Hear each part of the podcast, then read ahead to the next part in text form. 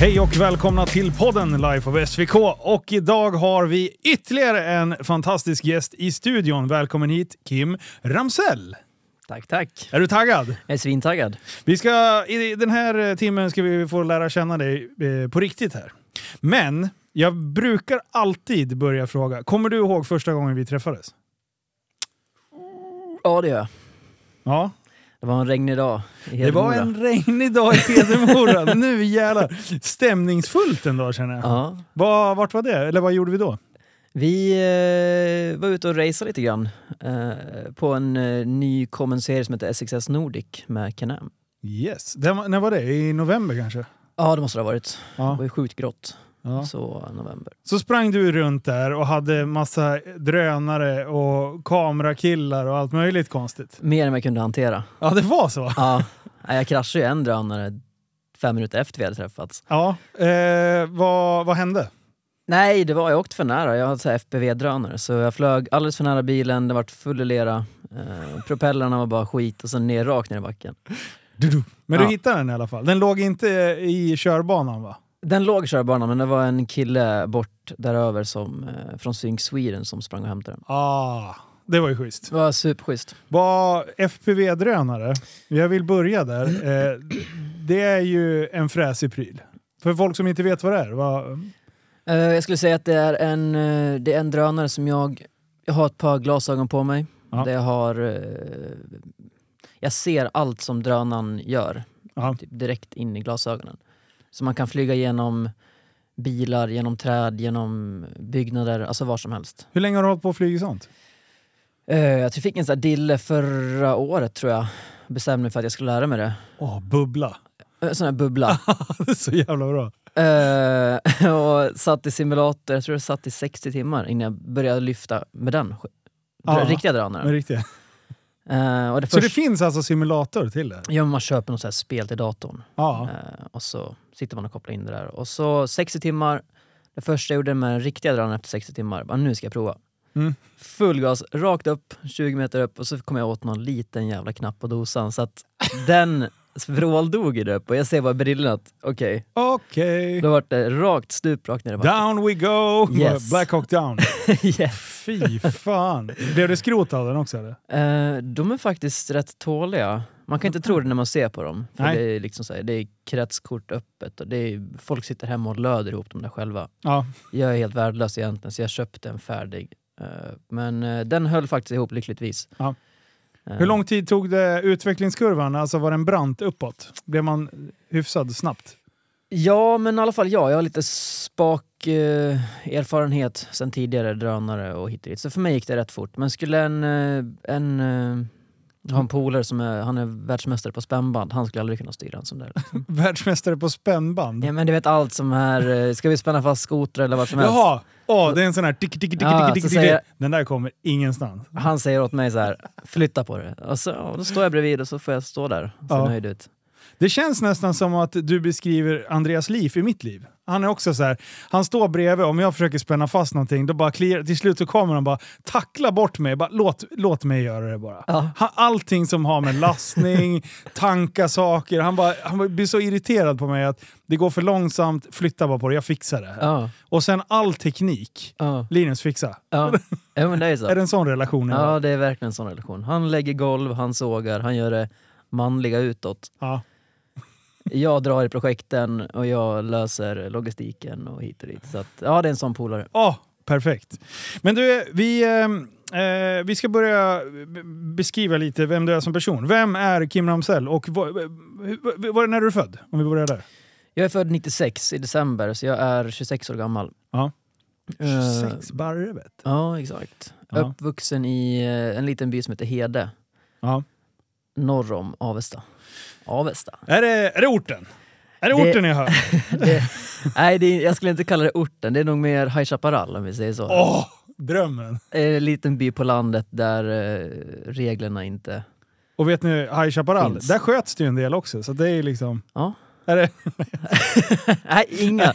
Det skulle i så fall vara någon hagel, skjutvapen. hagelgevär eller någonting, någon gammal arg, Ja, arg Eh. jägare. man skjuter ölburk. Man- skjuter, skjuter långburk med, med avsågat hagel. Ja, ja, ja. på, som, som så fest. eh, Så fem, i, fem i tre eh, prank eh, på hemmafesten när man har druckit dunk. Ofta Arboga 10-3 är det burkarna som skjuts. Det är liksom inga, inga 2-8. Nej, jag, jag förstår. eh, men eh, vad, Kim som barn, ja, hur var du? Eh, energisk. Jag kunde stå på affären och skrika i under hela vistelsen där om jag inte fick mina kakor. Det var så? Ja, det var inte så jävla... Jag var inte så duktig som liten unge. Jag var inte jättegullig. du, du visste vad du ville? Jag enkelt. visste vad jag ville. Och... um, Hur, Ja. Föräldrarna då? Gav de med sig? Ja, Nej, du Jo. fick vad du ville! ja Aj, tänk aj, dig aj. själv. Om du, har, om du har en liten unge på två år, tre år och så vill han inte klä av sig sin overall själv. Ja. Så då bara, ja, men då får du stå ute tills du vill gå in och klä av den själv. Ja.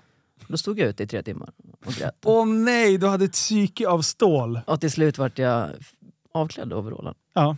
Så Så du vann kampen? ja, jag, jag vann oftast kampen. Och det, Ja. Det, det är faktiskt många i, i runt i släkten som pratar om det än idag, att jag var jävlig som unge.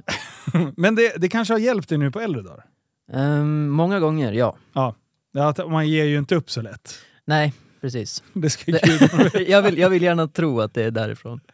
Men eh, har, du, har du varit städad i plugget och sånt där? Um, Nej, alltså så här, jag har inte varit den stökiga som röker på rasterna och sånt där, utan jag eh, har ju alltid varit en, en sportkille. Eller sport, motorsportkille vill jag Ja, hellre, hellre Jag säga. vet precis vad du menar. Eh, så att jag, men duktig i skolan var jag inte. Jag fuskade oftast på lektionerna och det eller fjäskade för läraren så att jag skulle få ett högre betyg. Ja. Jag, var, jag var nog väldigt duktig på att fjäska och få folk... Du, du, fick din, du fick din vilja igenom där också kan man säga. ja men det var en, en eh, jag hade en, vad heter det, min, min lärare i skolan, 7 till 9 han sa åt mig att springa på fotbollsplanen. Ja. Och då sa jag åt honom så här, ja jag springer nästa, nästa träning om, om du kommer till motocrossbanan, Brovallen och eh, kör ett varv snabbare än två minuter. Ja. Eller nej, jag sa tre minuter för att han skulle få en, en rimlig grej. Och eh, på den vägen fick väl han en liten, ja men han fick upp synen för mig. Ja. Ehm, och jag fick ett VG på nationella prov i biologi. Vilket var så här, Wow. jag var tvungen att fråga honom efteråt, fick jag verkligen inte? Han bara, "Ja, alltså, ah, det var nära. Men, var på gränsen. Ja. Så att, nej, men på den vägen har jag lärt känna folk och eh, tagit mig igenom skolan skulle jag säga. Men eh, eh, motocrossen och, och sånt, vad, vilken ålder började du med sånt? Det var nog redan i, vid treårsåldern. Jag började köra fyrhjuling när jag var två och ett halvt. Ehm, och sen satt väl min pappa med på en liten PV50 som, med stödhjul. Nej, en Jo, jo. PV50 med stödhjul. Ja. Vilken boss! Eh, så jag lärde mig att köra den innan jag lärde mig att cykla. Det var ju sjukaste jag hört. Så han, han, det, som, det som var bra med stödhjul på en PV50 det var ju att när man väl började lära sig att svinga och fick upp hastigheten, då böjde ju som regel stödhjulen uppåt. Så det Ja. vart ju bara så här, ja, naturligt att man, ja, men nu, Ja. kan, nu kan jag köra utan stödhjul. Ah, det är sant alltså. Ja, så tips. Ja, det är, det är, det är PV50 med stödhjul. Ja. Det är, det, det är det ni kan ta med er. Tack snälla för den här podden. Eh, det var dagens tips från coachen. Eh, Men hur bra, hur bra blev du inom crossåkningen och hur länge körde du? Alltså så här, jag är väldigt, det är väldigt average. Jag ville ju, min våta dröm var ju att bli eh, motocross och supercross-proffs. Mm. Ehm, jag sparade ihop pengar och åkte till USA när jag var, samma dag som jag fyllde 17. Och ville verkligen nå min dröm. Fy fan. Bara hur, eh, hur, eh, hur mycket pengar kostade ett sånt projekt? Eh, då, åka dit i två månader tror jag kostade 70 000. Ja. Ehm, jag köpte och sålde mycket grejer som moppar och epatraktorer för att få ihop en viss del av pengarna. Och sen hade jag världsklassig hjälp Ja. hemifrån då, eh, med min bonuspappa och, och mamma och ja, men många små sponsorer som, Ja. som hjälpte till så. Men jag tror att jag skulle säga att vid 17 års ålder där eh, drog jag ihop 45 000 själv. Då. Du, innan vi går, pratar vidare om det där. Jag vill, jag vill först bara, det, det här är ju en asdriftig sida som jag snappar upp här. Du alltså sparar ihop eh, pengar till att kunna göra den här resan och då säger du att du har köpt och sålt grejer. Vill vi, vid vilken ålder började du intressera dig för att liksom... Det, det, det är ändå så här, du har ju ändå tänkt ett steg längre och börjat tjäna ihop pengar just för det här. Har det funnits alltid ett driv av att tjäna pengar även i yngre år? Eller var kommer den drivkraften ifrån? Nej men det var nog mina, mina älskade kusiner jag hade i andra familjen som vars pappa var, han är superduktig entreprenör. Ja. Ehm, och det var nog ja, att se dem växa upp på det sättet de växte upp. Och jag tror att min morot eh, växte fram där. Att fan, jag vill, jag vill också... Var det liksom- just saker eller liksom... Men nej, jag skulle säga eh, tryggheten. Ja. Tryggheten i, i familjen. Ja. Med... Eh, det behöver inte vara saker eller resor utan det var bara den tryggheten jag kände hos dem. Att fan, så där vill jag också. Man, man, man får säga mycket om eh, pengars vara eller icke vara och, och hur, hur viktig del det är i livet. Men så här, man kan inte köpa lycka. Men lite som du är inne på, jag är också inne på att man kan köpa trygghet. Mm. Alltså, det finns en grundtrygghet av att går någonting sönder så har man en backup. mm. Eh, och just den här backupen och, och skyddsnätet i, i ryggen är ju extremt skönt Mm. att ha. Mm. Och inte så här, leva slut varje krona på kontot. Så här, ah, men jag får ju lön imorgon, så sätter man sprätt på den den 24 Mm. varje. Mm. Många lever så. Ja. Eh, jag har också levt så. Mm. Men nu lever jag inte riktigt så. Och den grundtryggheten som man känner nu, när man, man bryr sig inte hur mycket pengar det är kvar den 24. Nej, Eh, för man sitter inte och väntar på påfyllnaden. Nej för, precis. precis. Och, och det där är, jag vet inte riktigt hur man ska komma bort från det om man är inne i det träsket. Men, eh, så det, just den stressen, är det den du beskriver av att du inte ville ha? Alltså,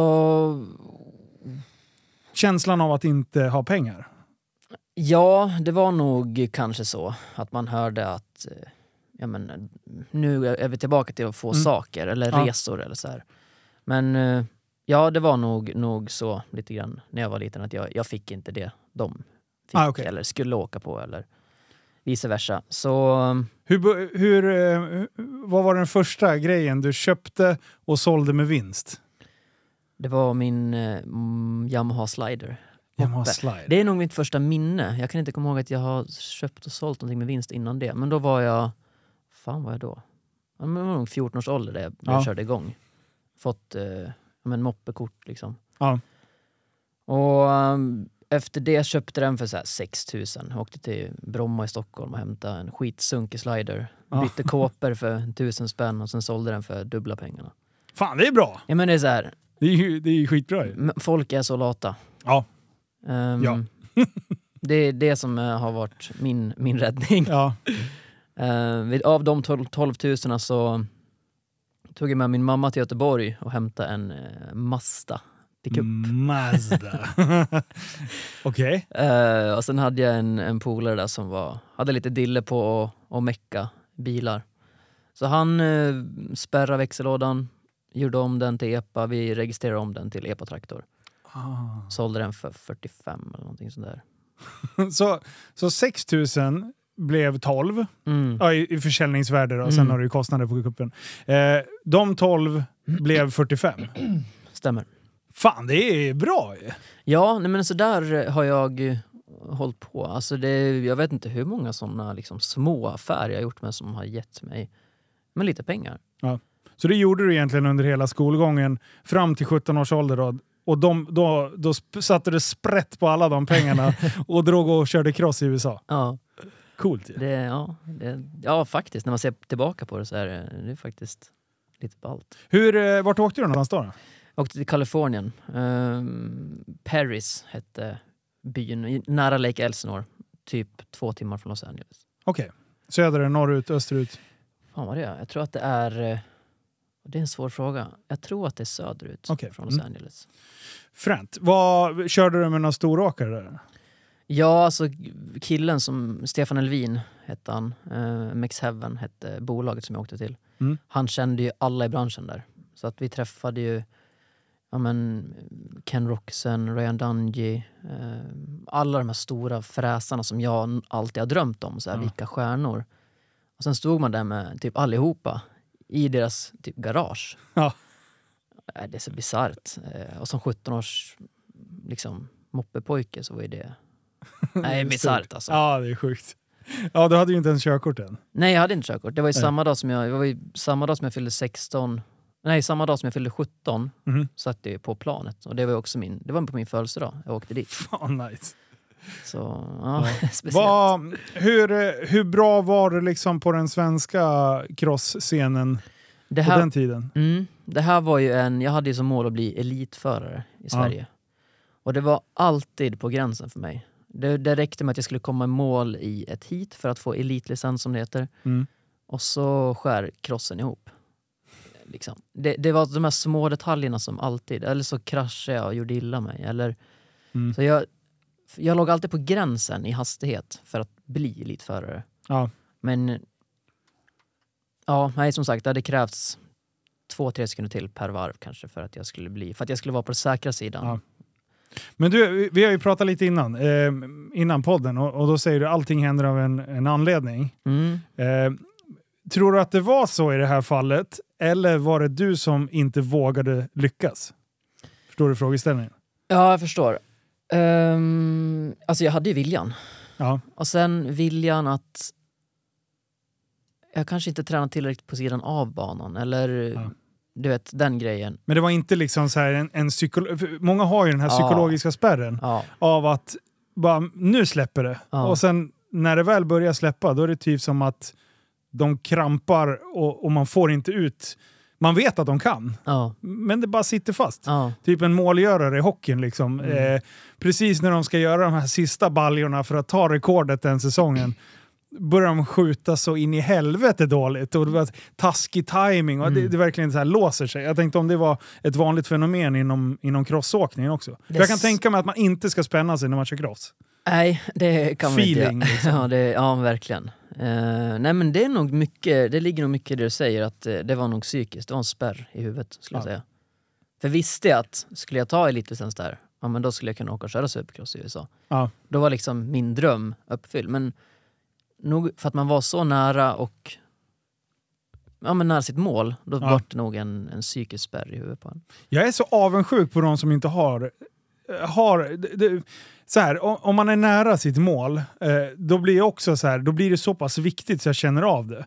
Men en del, de typ så här, står och käkar korv med bröd på vägen till ishallen. Nu pratar jag mycket hockey för det är det jag Ja. relaterar till.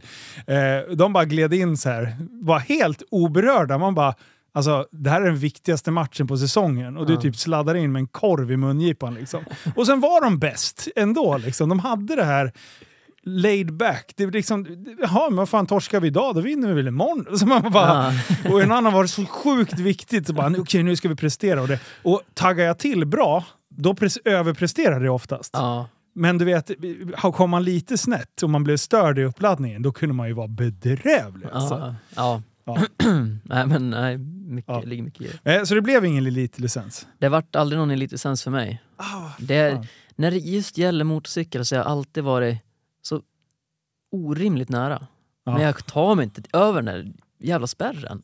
Ja. Nej, det är irriterande. är. Ja. Men hur länge körde du cross då? Jag körde cross jag var 18 år, 19 år. Ja. Eh, 19 var jag nog, för jag åkte till USA året efter också. Så 19 skulle jag säga. Och andra året i USA så kraschade jag dag två. När jag kom. Nej. Så då slog jag ur ena axeln ur led och bröt ena armen. Eh, och det här var ju rätt kul. Ja, nej, nu ska vi inte... Mm, nej, vi släpper den kraschen, för det ska vi inte prata om. Vad hände? Jo, det är klart att vi måste. Vad gjorde du? Ja, men eh, jag skulle... eh, I USA är det vissa regler med liksom, lagar och försäkringsbolag. Och. Jaha, okej. Så det är sånt. eh, mm. Så det var inget kul av den anledningen? Nej, Det, får var vi ta i kul. Patreon. Vi kör ett eftersnack Ja, i vi skulle köra, Ja, det, får det ska jag säga. Ja. eh, men eh, och, det, som jag förstår det så fortsatte skadorna. Ja, ehm, det vart... Alltså, när jag just började med axlar så går det... Det räcker med, räckte med att jag hoppade ner och dök i vattnet, så hoppade den ur led. Ah. Eh, vi opererade den och då började den andra axeln Mm. att krångla.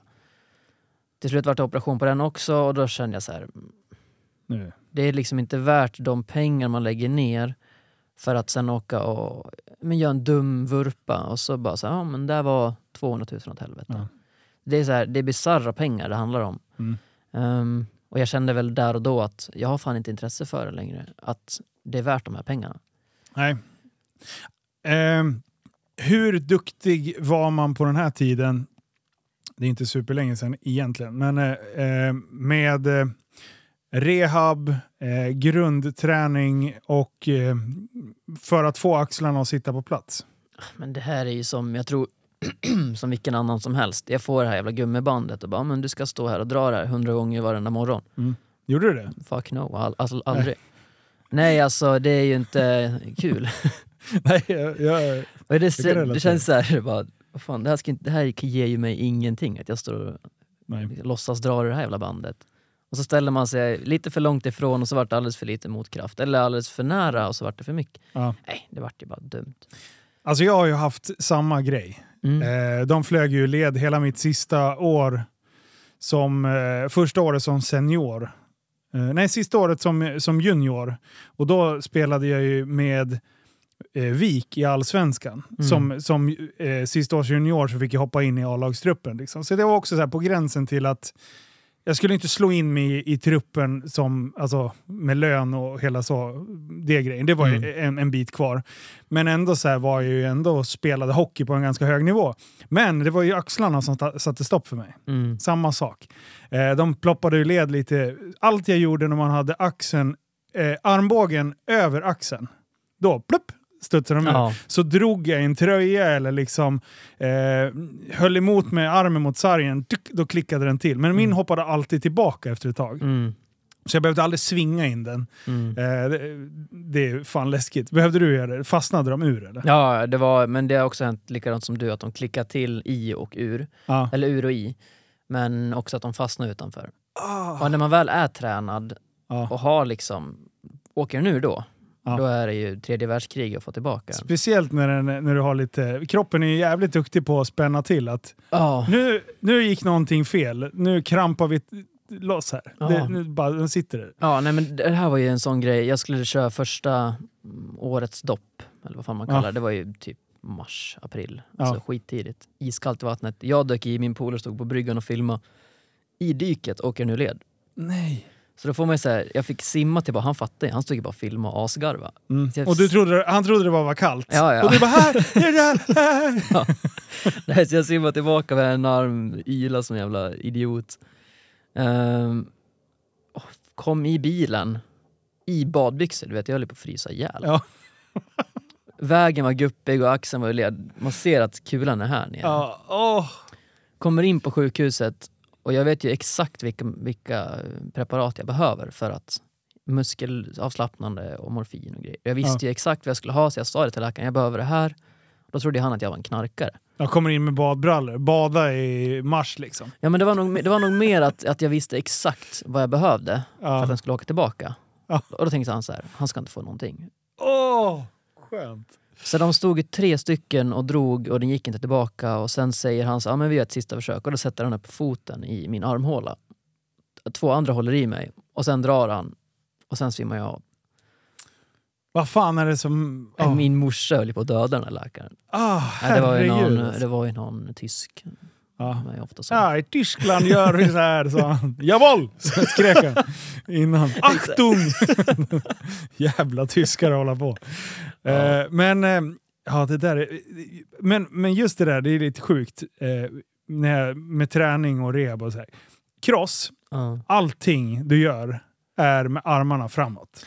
ja, precis. Jag skulle Du är säga... för kort på framsidan. Mm, Det är, det är, och, och sen är du skitstark. mm. För det är all, allt eh, eh, statiskt arbete med cross. Alltså du, du, du tränar ju axeln att den ska sitta där. Mm. Det är som du saknar. Garanterat, du har inte tränat baksida tillräckligt. Ja. Och det var samma med mig. Ja. Vi, vi, vad, vad gjorde vi när vi var inne i gymmet? Jag var inte intresserad av gymträning när jag spelade hockey. Allting görs i hockey med, du har ju klubban framför kroppen. Liksom. La, la, la, la, la. Och, och sen när man väl var inne i gymmet så körde man ju bänk och biceps. Mm. För det var ju coolt. eh, så man såg ju ut så här framåtroterad. Ja. Eh, till skillnad från typ fighters eller boxare, det, de gör ju också väldigt mycket framför kroppen. Men de har ju lärt sig att kraften kommer från rygg och axel. Du måste ju ha det, annars slår du axeln ur led bakåt. Så de har ju jävligt bra ryggar oftast. Mm. De blir, får ju det här, alltså Mm. ser ut som en jävla älg bakifrån. Liksom. Mm. Men eh, jag hade jätteproblem med axlarna fram till jag började gymma.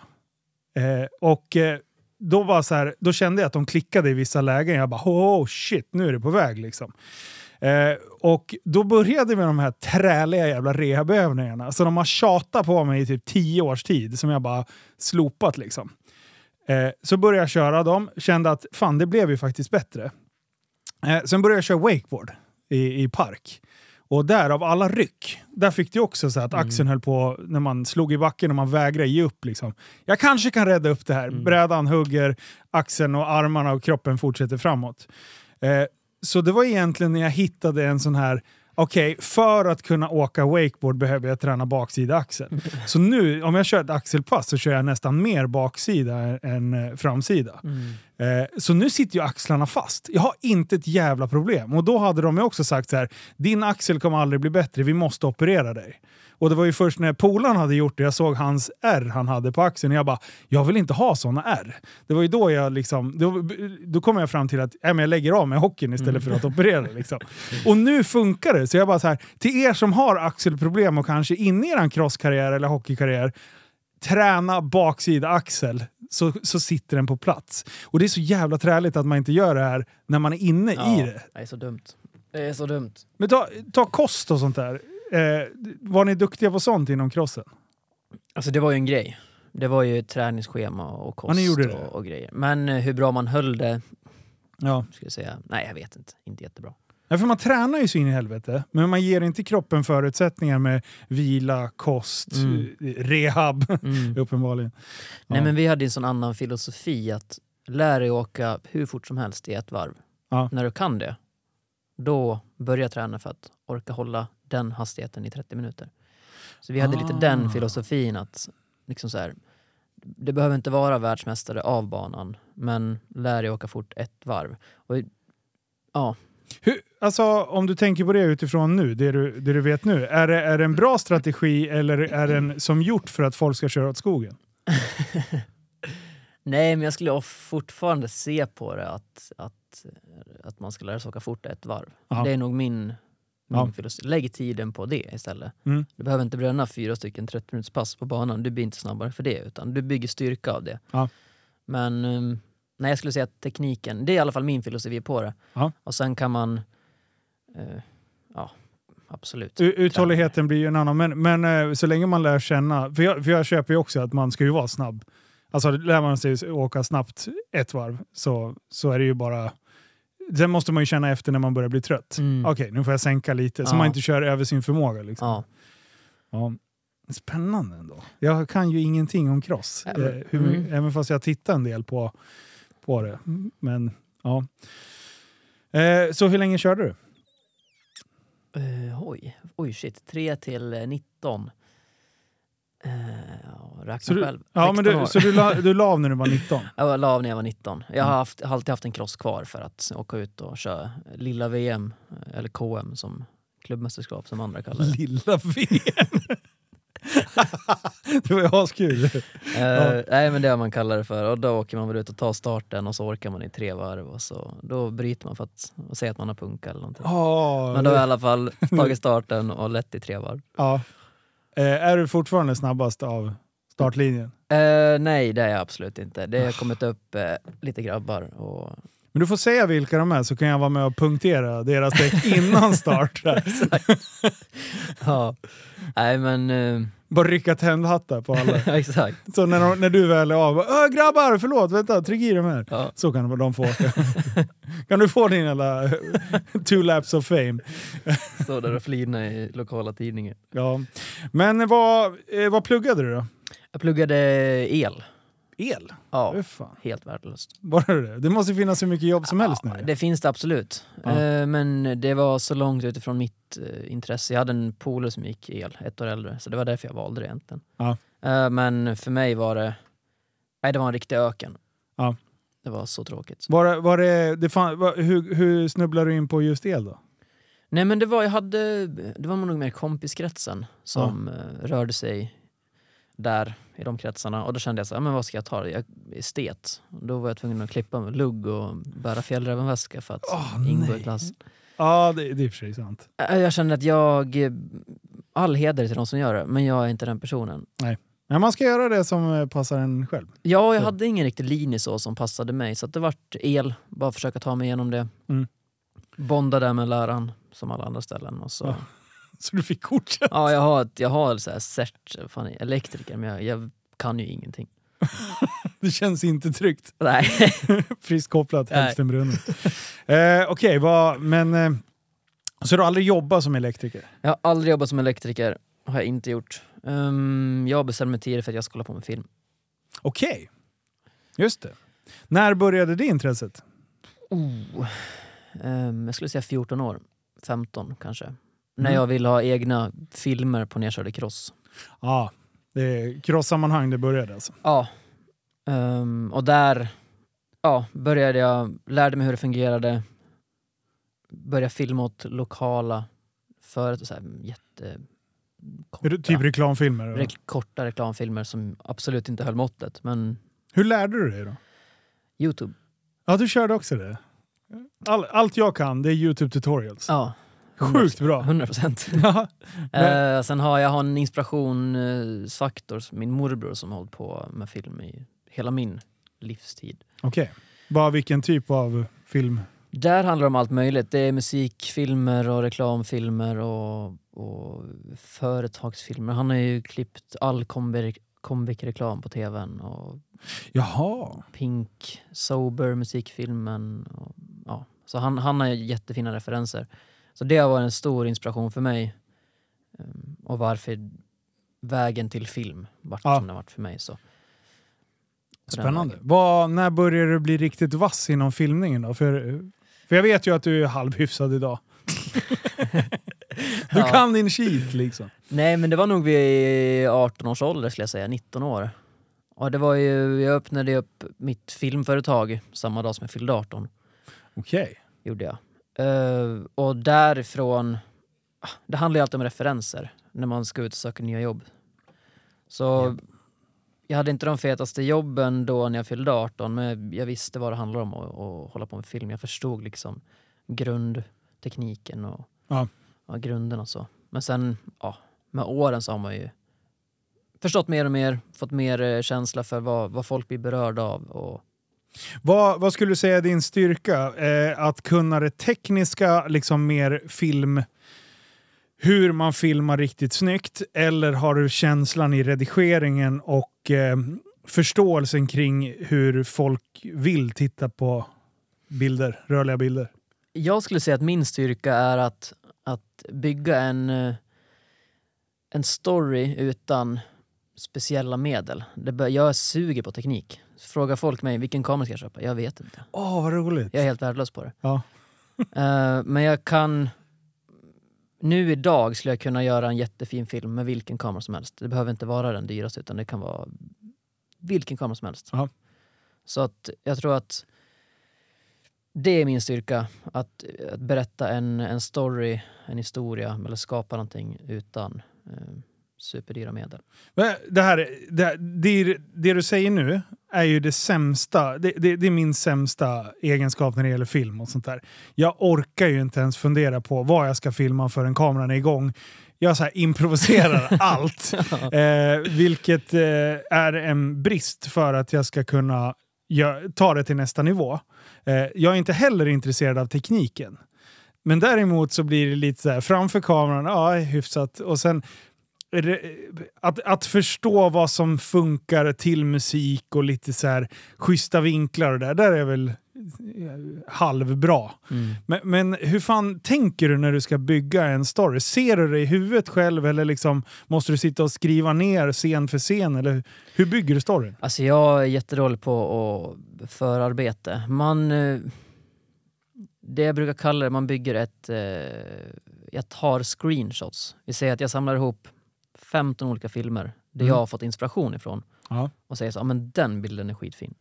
Då tar jag ett, ett blankt papper, eh, tar screenshots på alla de liksom 15 inspirationskällorna, postar, lägger ihop det till min egna liksom, story. Mhm. Och där utifrån kan jag börja, ja men vi börjar filma det här.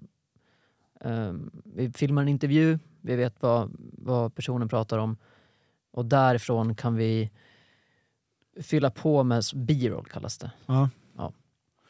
Eh, hur, hur brukar du göra där? Det där jag, just med b-rolls tycker jag är lite intressant. För jag låg faktiskt och tänkte på det igår innan jag skulle somna.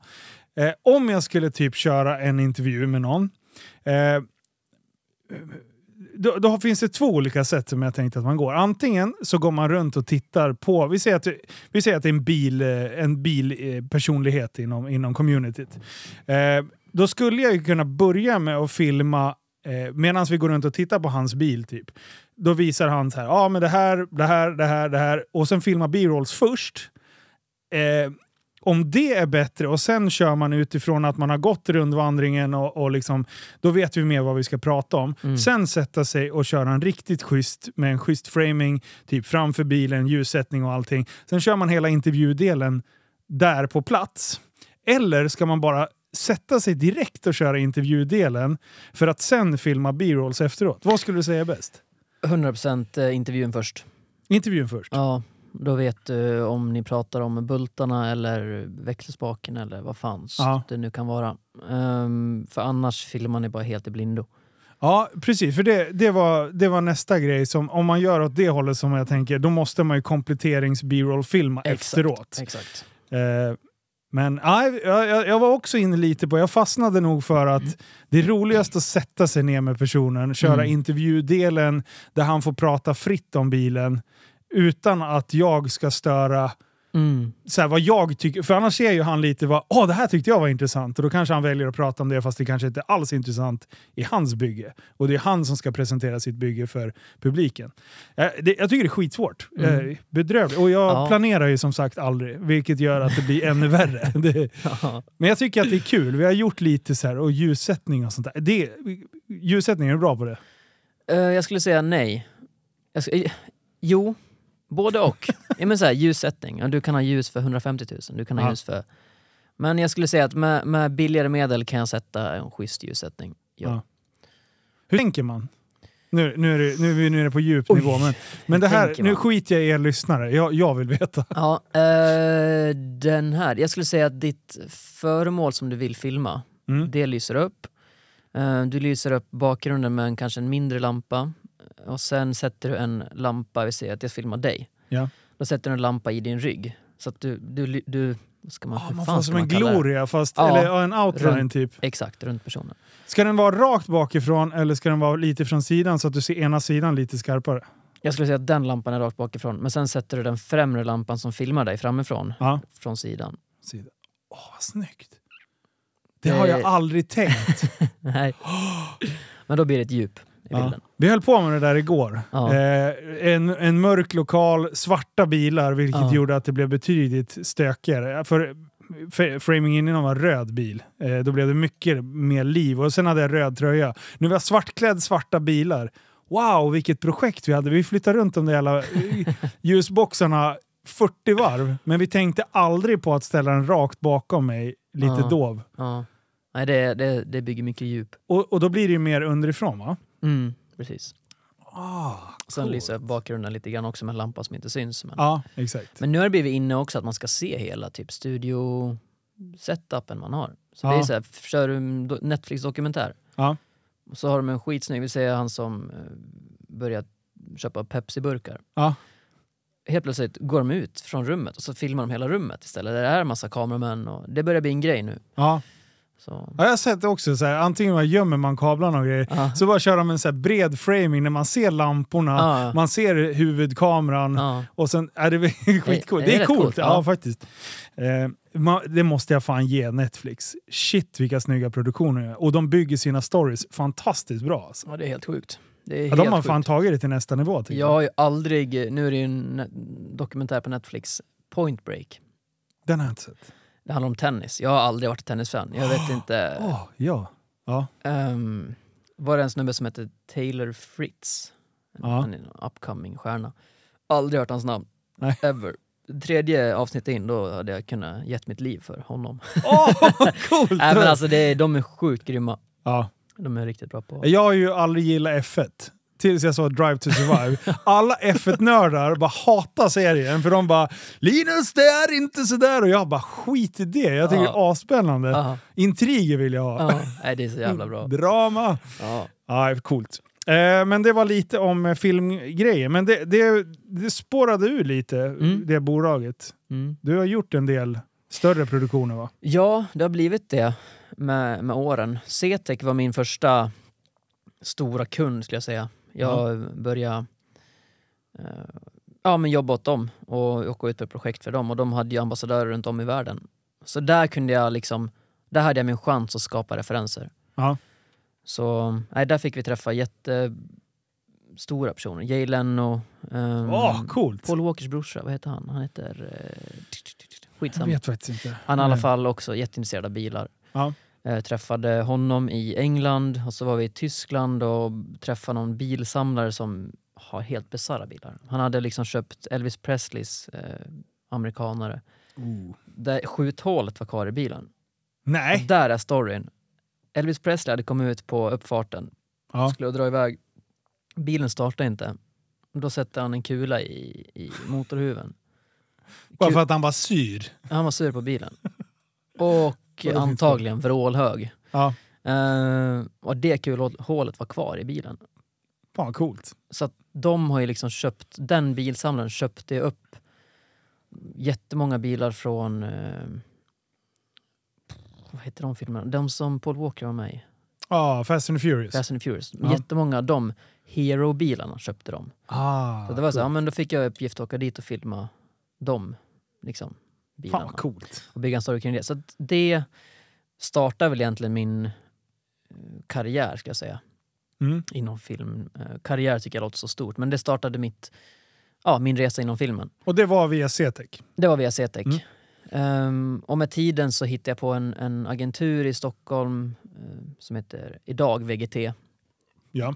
där jag kom in och fick vara med i större produktioner som klippare. Mm.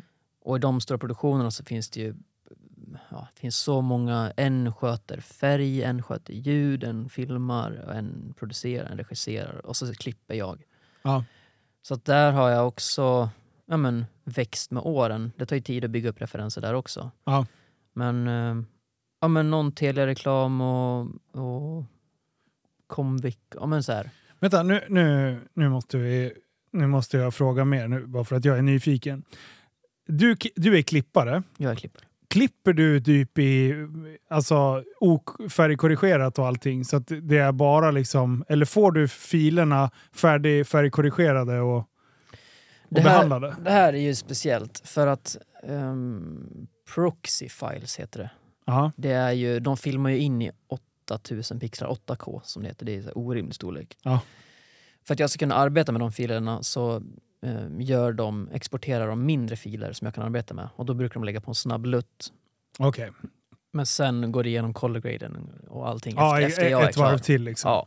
Eh, för, det, för det är ju varför jag är nyfiken på det. För det, att sitta och klippa i vad heter det, S-logg eller V-logg på, beroende på vilka, är det olika märken va? Ja, ja, Ja, exakt. Eh, nu vet jag inte vad Sony har. Eh, S-log. S-log.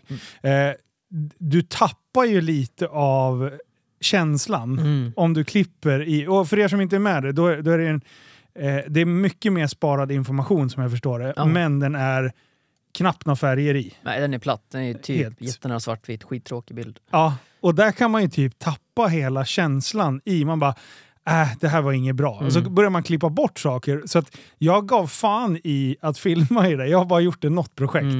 Men jag tyckte det blev skitdåligt och sen när jag la på en lutt, Mm. eh, då, då bara, jaha, det är så här det ska bli. Vad? Och, och då hade saker jag hade klippt bort, bara, det här var ju en skitsnygg frame. alltså, eh, då började jag ta tillbaka saker. Jag vet inte. Ja, men- men, det är mitt mål att börja med att Mm. tro på det materialen man har filmat. Mm. Klippa det och sen liksom, ja, färgkorrigeras i slutled. Liksom. Mm. Eh, färgkorrigerar man bild för bild eller gör man oftast hela projektet i ett? Det är bild för bild. Det är bild för bild. Ja. Alltså. Fy fan vilket jobb! Åh, vilket jobb! Det där, jag ska aldrig mer försöka klippa i slogan. Fan, vilket myck. Ja.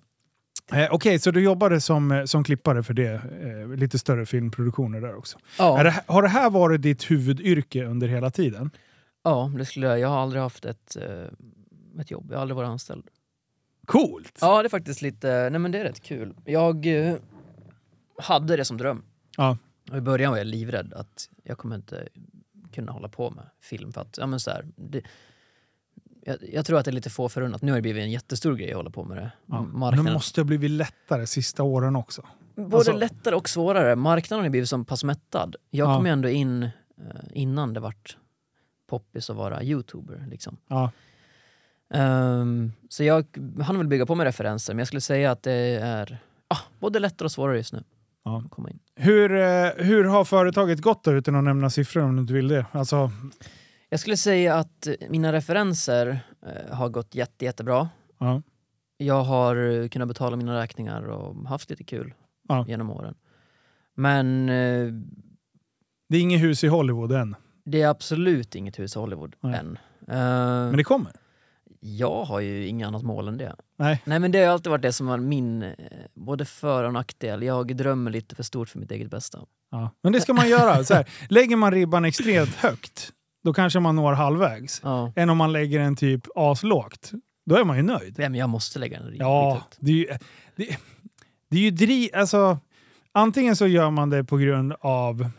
Så här, jag kan fråga det först. Vad driver dig? Är det pengarna eller uppbyggnad? Eller vad, är det som, vad är det som får dig att gå upp på morgonen och vara skittaggad?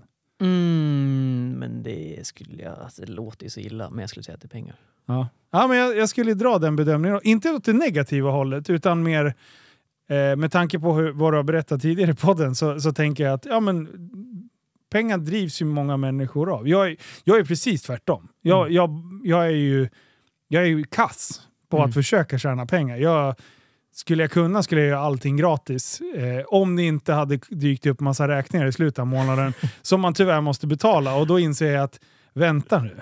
Om Ja. jag inte börjar tjäna pengar nu Ja. så kommer jag förmodligen ångra mig när jag har haft allt det roliga. Eh, och då kommer jag behöva jobba betydligt längre än Mm. vad jag behöver. Och jag vill, jag vill ju göra roliga saker. Så här, tjänar man mer pengar så kan man göra ännu roligare saker. Mm. Ja, och men- kan ännu mer bli glada av det toket man håller på med. Win-win. Mm. Eh, så att, Gud ja. ja.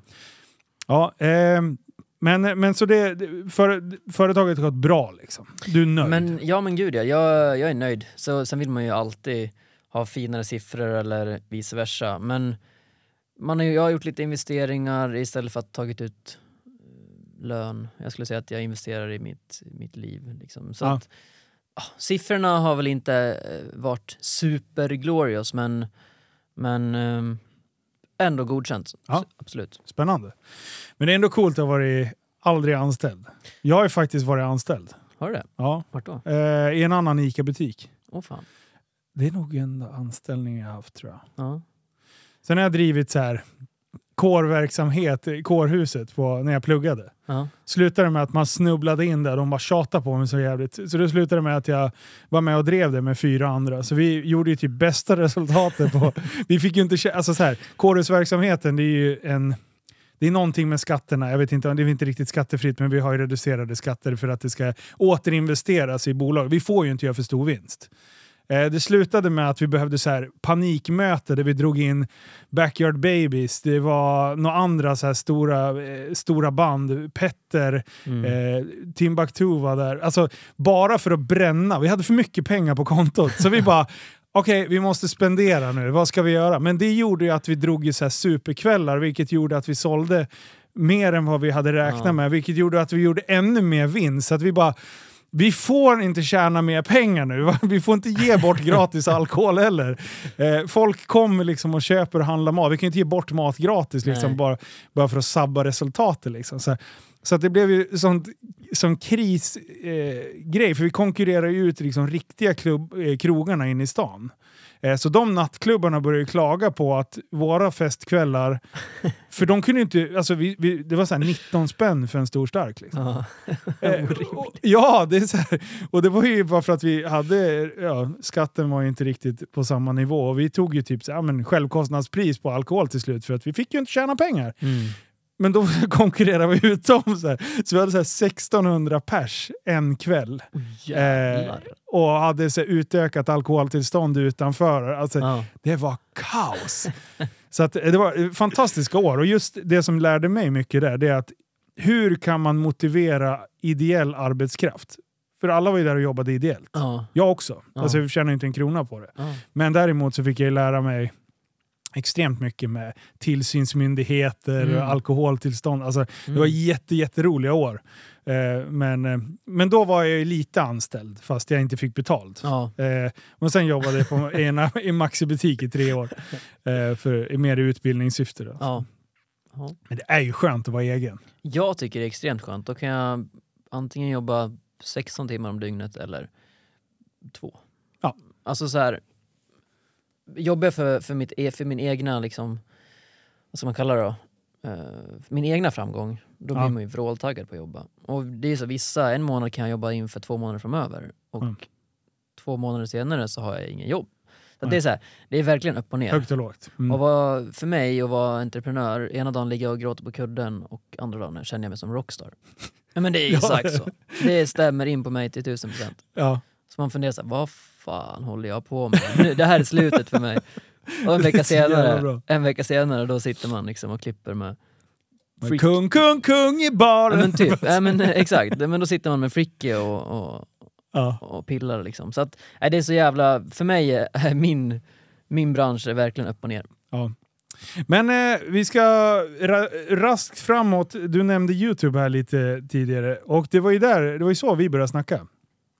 Eh, vad, du har gjort någon satsning i år, berätta lite om den. Nej jag fick så här, det var en sjuk dille. Det var Novemberkåsans 2021 i Gävle. Ja. Vi skulle åka dit och fira min eh, bonuspappa som det heter. Han fyllde 50. Mm. Fulla som as, ehm, låg typ i elden.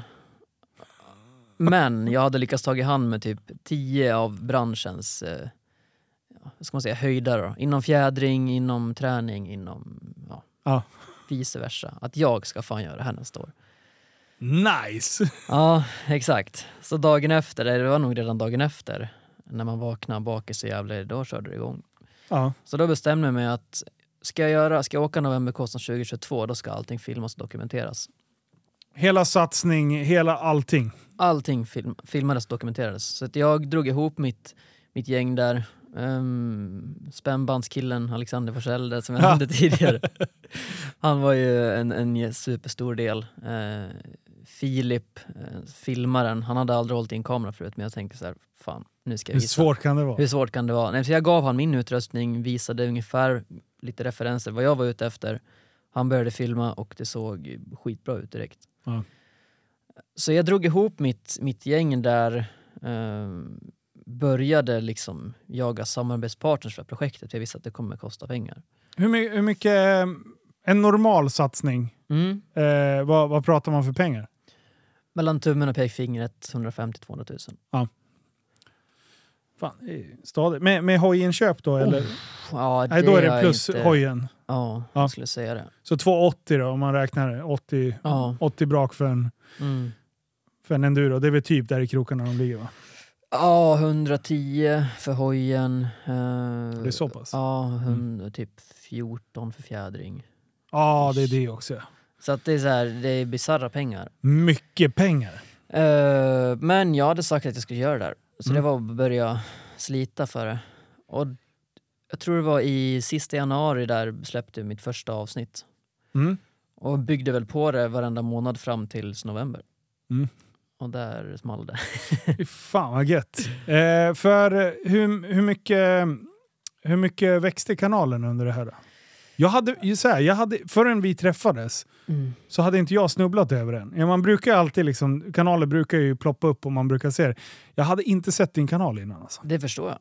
Jag har ju bara lagt ut eh, ja, men så här jobbfilmer och jag har varit sjukt dålig på att marknadsföra mig själv. Ja.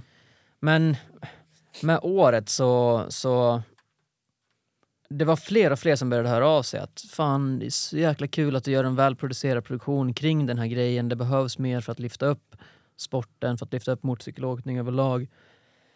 Och det är en liten bransch så, det är inte jättestor publik. Nej. Men jag skulle säga att de flesta tävlingar som arrangerades under året hade kollat på min serie. Så att jag skulle inte säga att det är mm, jättefina så här, tittarsiffror där heller, men jag skulle, jag skulle säga 10 000 per, per eh, film. Liksom. Mm. Och då är det första året och som sagt där vid novemberkåsan där det verkligen ja, men skulle ske. Eh, där lyckades jag göra en, en jättefin prestation utöver allas förväntningar, Mm. även mina egna. Um, Fan vad kul. Ja, nej men så då... Det var bara en liten grej på slutet som, som skedde.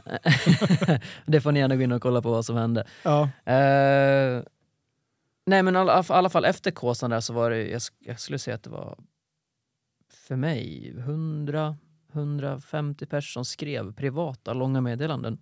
Mm. Som, jag har aldrig varit med om något liknande. Så för mig var det hur speciellt som helst. Jag visste inte hur jag skulle tackla det för att det var så jävla fint. Alltså det var ju sjukt fint. Och inspirationsmeddelanden och att jag måste fortsätta med, men med Youtube och lägga ut och visa. Och... Jag ska väl försöka göra det, fortsätta. Ja. Blir det satsning eh, till 23 också eller?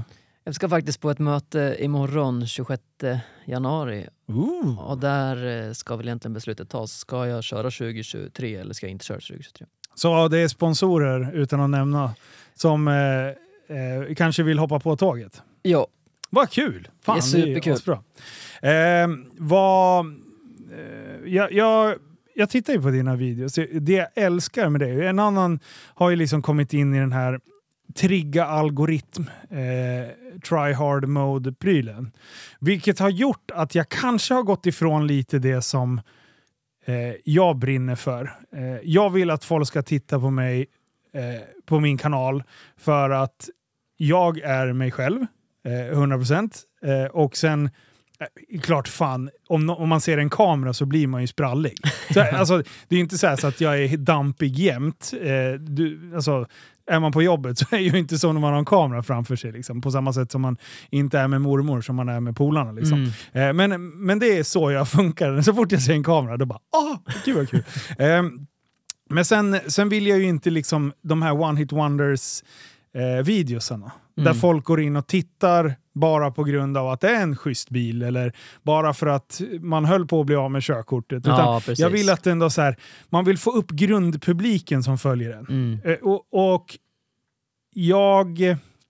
Då blir det, för att liksom få de här lite one-hit wonders-grejerna, Mm. så måste man klippa efter en viss typ av människa. Och det är den här jävla TikTok-tittaren. Ja.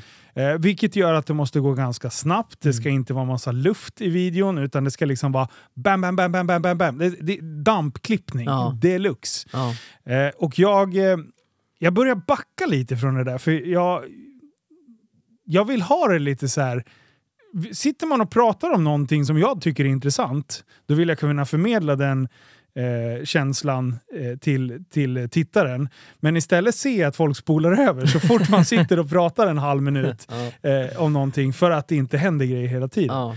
Men när jag tittar på dina videos så har ju du du klipper ju med någon sorts mystik i det, vilket gör att det blir sjukt äkta. Det blir liksom inte... Det blir långt ifrån dammklippning, Mm. utan det är så här... Du bygger en story och just det här mystik är ordet jag skulle vilja beskriva det med. Det blir spännande. Fast, fast det kanske inte är spännande som att åh shit, nu händer något, utan det är bara... Man vill bara vara med. Ja. Så skön känsla liksom. Men det var nog mitt mål med det när jag började att hålla på med serien. Ja. Att så här, jag, jag vill dra ut på klippen. Jag vill, jag vill visa vad som, men vad som sker. Ja. Jag vill få med när jag ringer en, en samarbetspartner. Jag vill få med på mötet. Jag vill få med när morsan kliver ved i vedbon. Alltså bara en sån, Ja. så här, vad händer på, vad händer där jag är? Ja. Jag vill få med allt det där. Det kommer göra att dina tittarsiffror kommer inte skjuta i höjden. Nej. Eh, dina prenumeranter kommer inte skjuta i höjden. Men den publik du har kommer vara sjukt dedikerad till det du gör. Ja. Och du kommer trollbinda tänkte jag säga, men, men du fattar, de- de blir väldigt dedikerade till eh, dina projekt. Och det, det där förstår inte folk, för det alltid är bara sifferjakten. Eh, jakten. Ja. Bara, "Ah, mycket prenumeranter har vi, skit i det. Hur många är det som faktiskt tittar på dig för att de genuint vill att du ska lyckas? Eller Precis. genuint vill följa det du gör? Mm. Det var det som var så speciellt på Kåsan. eh, För att alla som var där och kollade hade ju sett den här dokumentären. Ah, vad kul! Så att de, när jag kom dit, det var nog... Alltså folk, hela varven. Jag hörde mitt namn hela varven. Att säga kom igen Kim, öka Kim, heja Kim. Jävla sopa Kim! Ja, nej, Varför men- fick du punktering Kim? Ja nej, men det var så bisarrt för att vet, hela dygnet hörde jag mitt namn. Folk stod med skyltar där det stod Kim. vad roligt! Alltså du, ja, jag, fy fan jag får gåshud när jag pratar om det. Men det var ju den där dokumentären som gjorde att det vart så. Och det Ja. peppade mig att köra bättre, det peppade mig att orka mer och du vet hålla ut. Ja. Nej, smart. Uh, ja, jag, eh, ni måste gå in och kolla. Vad heter kanalen? Ramsell Film heter kanalen och eh, dokumentären heter Amatör till Novemberkåsan. Vad ska den heta nästa år då? Halv, eh, halvproffs till eh, proffs? Eh, det är faktiskt inte För nu är du klurigt. fan inte amatör nej, längre. nej, nej, nej, nu är jag inte amatör, det står jag för. Uh, jag lär fan klura på det namnet. Ja, det lär du göra. Kaxigt ska det vara. ja. Semiproffs till eh, bäst i världen. ja. På Kåsan. Ja. ja. What? Du, vi har, ju, vi har ju en grej till eh, som vi, vi ska skrapa lite på ytan. Sen Mm. kommer det bli lite Patreon-snack om det. För sen vill jag att du kommer tillbaka när jag har påbörjat min utbildning. För du har ju, du har ju påbörjat en utbildning. Mm. Vad är det du utbildar dig till? Ooh. Det är helikopterpilot. Alltså, det är så bra! jag blir så jävla lycklig. Det, Hur, länge, alltså det, hur fan fick du den här idén? Nej men vad fasen, min, min uh, farsa har ju, han har ju alltid varit, haft dille för du vet, så RC-flygplan och Ja. helikoptrar och skit. Så han, han har ju alltid haft intresset. Och jag kände bara att, ja. Du ville bräcka honom, säg som nej, är. inte, ja, bräcka är nog fel ord, men jag kände så här, vad fan är det manligaste man kan göra? Åh, manlighet. Såklart. Jag är världens fjant egentligen. Man, så här, eh, man ser filmer, man ser eh, Tom Cruise åker och störtar ner från en jävla berg i en helikopter. Jag ja. Tänk att kunna göra det själv. Tänk, ja, men Christian Grey lyfter från taket ut på en dejt. ja. Ja, jag tycker det är så jävla ballt. Alltså, du, du vill nästan byta lag när du ser han. Ja, fan, lite penis kanske inte är så dumt ändå. Alltså. Ja, men, ja, men exakt. Vad är det manligaste man kan göra? Ja. Ligga med en kille, tänker du? Ah, nej, nej, nej, nej, nej. Långt över min gräns. Ja, förlåt. Eh, Tillbaka till helikoptern. men eh, nej, så då, då kände jag att så här, det här ska jag fan försöka göra. Börja googla vad som krävs. Jag kände inte att det var helt orimligt för mig. Nej. Covid kom, um, hade inte så mycket jobb. Då kände jag att nu har jag tid för det. Jag kommer inte ha den här tiden när jag sitter där 35 eller 40 och har barn. Nej, Eh, som jag. Eller 30 eller 27. Mm. Ja men exakt, du Ja. har ju barn nu och är där, Ja. jag snackar om. Imponerande att du har tid ändå. Jag har inte haft tid. Eh, det, det är för, barnen är 12 och 14, så Ja. det börjar komma nu. Ja. Eh, nej men så att då kände jag väl att jag har tiden, jag kan lösa det ekonomiskt. Vi kör. Ja, kul. Mm. Hur, eh, från, eh, från idé till handling, hur, eh, hur, hur lång tid tog det? Var det ett dampryck eller? Det var nog ett dampryck. Jag Ja. tog eh, en testlektion faktiskt när jag var 18 år, helikopter. Jaha. Ja. Ehm, för att bara se så här, är det någonting för mig? Mm. Så det är också film på när jag hovrar första gången. Det ser ut som att okej, de störtar vilken sekund som helst. Raj, raj, raj, raj, raj, Ja, raj, raj. Exakt så. Nej, och sen körde jag väl igång, vad kan det vara? Eh, Det var nog ett dampryck när jag var 25, 24, 25 där. Ja. Eh, och nu fyller jag 26 i december. Så jag hade ju som mål att jag skulle vara helikopterpilot när jag är 25 år, för det är ändå så här, ja men då har jag en referens jag kan skryta för mina barnbarn sen om typ. Ja, 50 precis. Vad, vad, vad, titta, nu fyller du 25. Och, och vad har det blivit av dig? Ingenting. Morfar eller farfar var helikopterpilot vid 25 års ålder. Ja, Step men it exakt. up för fan. Ja. exakt. Nej men så det är väl här nu när jag är klar med det här helikoptercertet, då ska jag fan lära mig spela piano. Då, Är det har, nästa? Då, då har jag hela paketet. Då är jag... Du tänk, jag, jag känner lite att du, du är inne på 50 shades of Grey. 50 shades eller Lucifer eller vad fan man nu är. Men jag tycker det är så jävla coolt. Ja, ja spela piano är ju fan ballt alltså. Och kunna det, ja gud ja. Mm, det, men du, var eh, första lektionen, Mm. eh, eller så här. Eh, första gången du flög helt själv. Ja den var... Det är ju en sjuk känsla. Ja, När man för när, annars har man, är det alltid dubbelkommando på helikoptrar? Yes. Alla? Nej, Inte alltid. Eh, på vissa är det, på många. Ja. Men eh, vi säger att jag skulle hyra en helikopter sen så är det enkelkommando. Men är man två, Okej. två piloter, Ja. då är det ju oftast dubbelkommando. Och ni flyger eh, R44, Robinson 44. Yes. Eh, och de är alltid dubbelkommando? Eller Ja, bara om det är två skolhelikoptrar? piloter. Bara Ja. skolhelikoptrarna. Ja. Flyger jag med tre polare så är det inte det. Eh, Okej, vad... Helikoptern där då. Första, eh, och då har du ju flugit med lärare. Hur många måste man flyga, eller hur många lektioner flyger man med lärare? Mm, jag tror att det är typ 39 timmar med lärare först. Tror jag.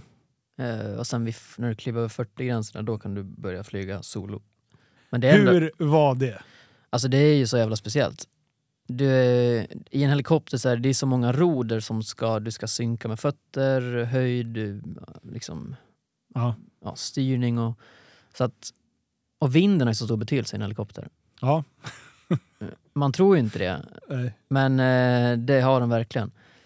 Så att lätta där första gången själv, bara hovra själv, är ju en speciell sak. Mm. Men att verkligen säga, okej nu sticker jag iväg. Nu ska jag ha koll på alla de här jävla mätarna och farten. Vad händer om motorn dör? Man ska alltid vara liksom redo för nödsituation. Ja. Så bara ha allt det där i huvudet. Och jag tror jag flög min första tur till, till Sala. Landade där. Nej, jag flög fan en åtta runt flygplatsen. Ja. Och då fick jag så instruktioner för det skulle komma ner någon Ryanair och landa på Västerås flygplats. Mm. Och så bara, okej Kim. Och så det där radiosnacket som de kör. Ja. Det låter ju mycket coolare än vad... Curve for rally, curve, curve, curve, 2000 feet on the down. Exakt Ja. så. Nej, men när man fattar snacket då, då är det inte så krångligt som det låter. Mm. Men eh, då sa de åt mig att stig till 2500 fot och bibehåll tills vi säger annat. Mm. Och 2500 fot det är fasen högt. Vad delar man på tre ungefär? Ja, dela på tre. Alltså 800-900 meter? Ja, en kilometer upp Ish. i luften. Ja, I Mm. en sån där vispa, alltså det är ju, man, jag var inte tuff då. Det är högt för mig. det är högt. Det är riktigt högt. Så att jag flög upp dit, eh, bibehöll och det är sjukt läskigt. Och vände, kom tillbaka. Och, och. Nej, men det var, första turen var speciell.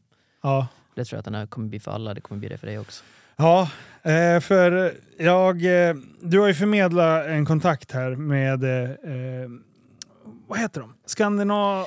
Scandinavian eh, Helicenter. Helicenter. Yes. Ja, här i Västerås. Och det ligger ju fem minuter körtid från mitt jobb här.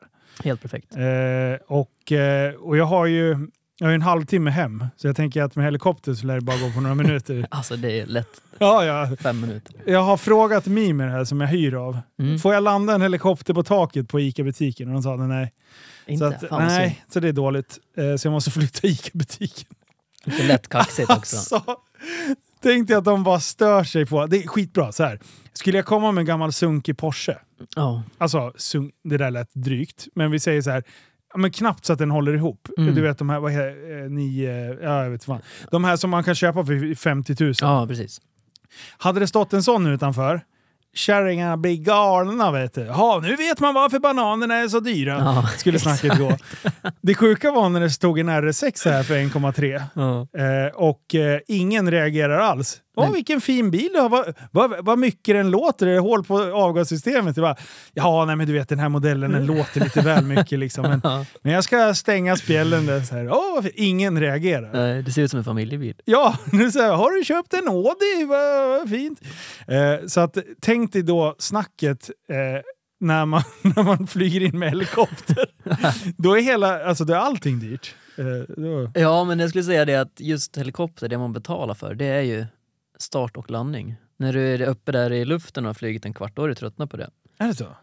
Ja, men Ja, det, det, det, är inte jättekul. Du, vad fan, ja, du, du har ju sett de där utsikterna. Då har du sett Ja. de utsikterna i 15 minuter, då är det lite klart. Ja. Men det är ju själva, när du landar ner på Sälentorget och ska åka skidor, det är ju det man betalar för. Fan vad coolt liksom. ja, flyger skidor och Ja, men det är så, då undrar folk, ungar. Och, då undrar folk, vem fan är det där? Ja, Vad är det där för shejk som kommer?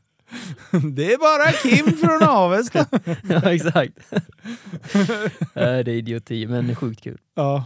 Nej, fy fan vad grymt. Eh, vi ska faktiskt eh, snacka lite mer Goya här i Patreon. Eh, då, ska vi, då ska vi prata lite vad som krävs av mig för att faktiskt bli helikopterpilot. Mm. Eh, men du, tack snälla för att du kom hit Kim. Tusen Och jag tack. tror att vi kommer få anledning att återkomma eh, lite längre fram. Eh, för, för du kommer ju vara som en eh, trygg eh, plats i ett stormigt eh, helikopterväder. eh, för, för mig. För det här kommer, det här kommer ju vara, det kommer vara mycket frågor. Ja, jag förstår, det hade jag också. Och jag behöver nog någon att bolla med. Någon Mm. som jag ringer och frågar varför känner jag så här för? Varför är jag livrädd när jag ska upp och flyga för? Eh, Ja, är du välkommen. Ja, så det, då får du komma tillbaka och, och då ska vi fan med prata helikoptrar. Hela avsnittet! Fan vad kul. Det kommer bli asbra. Ja men grymt! Tack snälla för att ni har lyssnat. Gå in och lyssna på Patreon. Där eh, håller vi på och lägger upp massa bonuspoddar. Eh, och jag sitter även och snackar en hel del med mig själv. Eh, mer om det eh, kommer ni förstå när ni är inne och lyssnar. Eh, vill ni gå med där så finns det tre olika nivåer. Det är antingen 50 kronor i månaden, 100 kronor i månaden eller om man är typ helt crazy, wild and crazy så kan man betala 250 spänn i månaden. Och, eh, då får man diverse olika bonusmaterial. Och för att gå in där, patreon.com snedstreck Lifeofswk. Ett ord. Coolt! Du, vi syns nästa vecka. Hej!